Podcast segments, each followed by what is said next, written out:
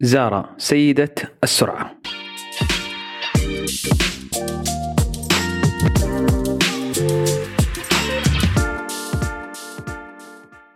مرحبا فيك. أنا تركي فهد مقدم بودكاست العبور البودكاست المتخصص للمهتمين بالتنمية الشخصية وتطوير الأعمال الذي أهدف فيه لتقديم الفائدة لك بشكل موجز وعملي. زارا متاحة في أكثر من 96 دولة وتدير أكثر من 2000 متجر حول العالم. وتصل منتجاتها السوق في أقل من ثلاث أسابيع من التصميم إلى البيع في متاجرها.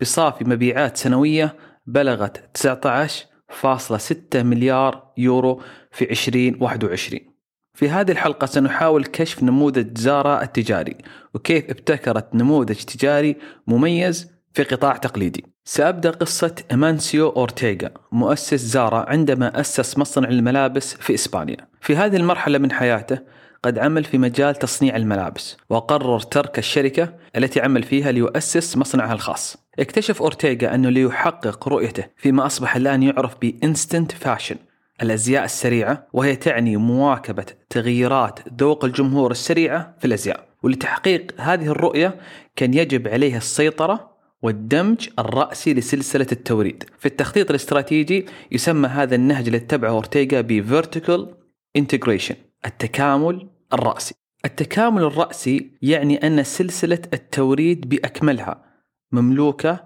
وتدار من قبل الشركة مما يعني التحكم بعمليات التصميم التصنيع المبيعات ومجددا التصميم والتصنيع بأكمله مملوك للشركة. هذا من أجل تحقيق سرعة في التجاوب لأذواق الجمهور المتغيرة في الأزياء وتقليل الهدر في إنتاج كميات لاحقا تنتهي موضتها أو لا تناسب ذوق الجمهور لتباع بأسعار مخفضة.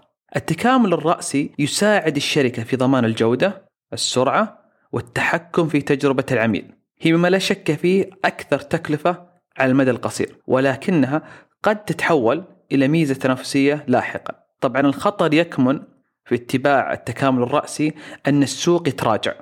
يعني تخيل لو أنك أنت استثمرت لتحقيق تكامل رأسي في سوق مثل الصحف الورقية. هذه السيطرة الكاملة تطلبت منه فتح متاجر الخاصة. ولذلك في عام 1975 فتح أول فرع زارا في إسبانيا. الغاية من فتح المتجر كان بهدف مساعدته في معرفة ما هي المنتجات التي تباع من تلك التي لا تباع. بدلا من الانتظار من الموزعين يرسلها تقارير تقليل الهدر والسرعة في التحرك. كانا المحركان الرئيسيان في قرارات أورتيغا في كيفية هيكلة إدارة واستراتيجية شركته. ولهذا بدأ من الالتزام بنسبة مئوية كبيرة من الإنتاج لموسم الأزياء المقبل.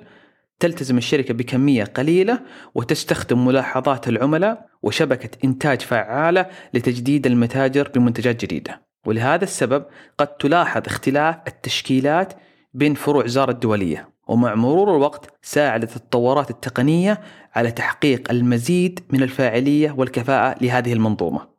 كما سبق وذكرت توسعت الآن لأكثر من 2000 فرع حول العالم وتدار تحت مظلة الشركة الأم إندي تكس التي تملك علامات تجارية مثل ماسيمو دوتي وبيرشكا. ومع التوسع العالمي والمحافظة على السرعة وتقليل الهدر هذا ألزم الشركة أيضا أن تتبع اللامركزية في اتخاذ القرار. ما يسمى decentralized decision making لأن ما قد يجده شخص في إسبانيا موضة قد لا يتوافق مع ذوق شخص آخر في اليابان مثلا. بالإضافة لآلية اتخاذ القرار. هذا جعل الشركة تتخذ القرارات التشغيلية التالية. أولا إعادة تشكيل الأنشطة جذريا بهدف السرعة مما جعل نصف قطع الأزياء تنتج محليا في منشآتها لضمان السرعة.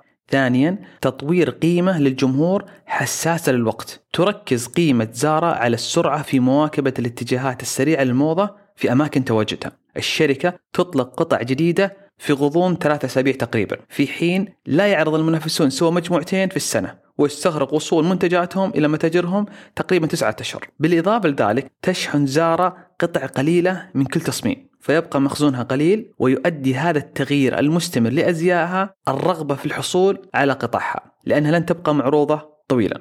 ثالثا اعتماد هيكل تكاليف جديد. مقابل هذه المرونة والسرعة ارتفعت تكاليف العمالة. رابعا البيانات.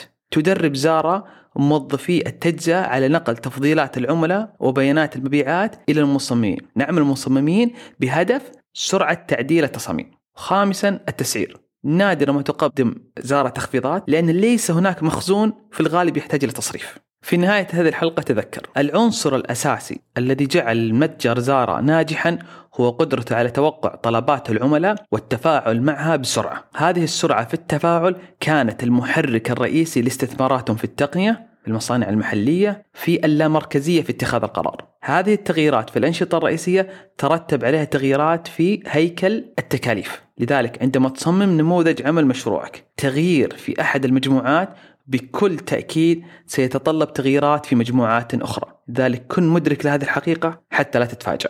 الحلقة قادمة بأمان الله. لا تنسى أن تحصل على نسخة من كتابي الجديد العبور. الكتاب أخذ مني عدة سنوات من بحث كتابة ومراجعة من أجل أن تحصل على دليل مخصص لمن هو مهتم في إنجاز أهدافه وإثراء حياته بمزيد من العلاقات والمغامرات الجميلة. تفاصيل أكثر عن الكتاب تجدها في رابط هذه الحلقة.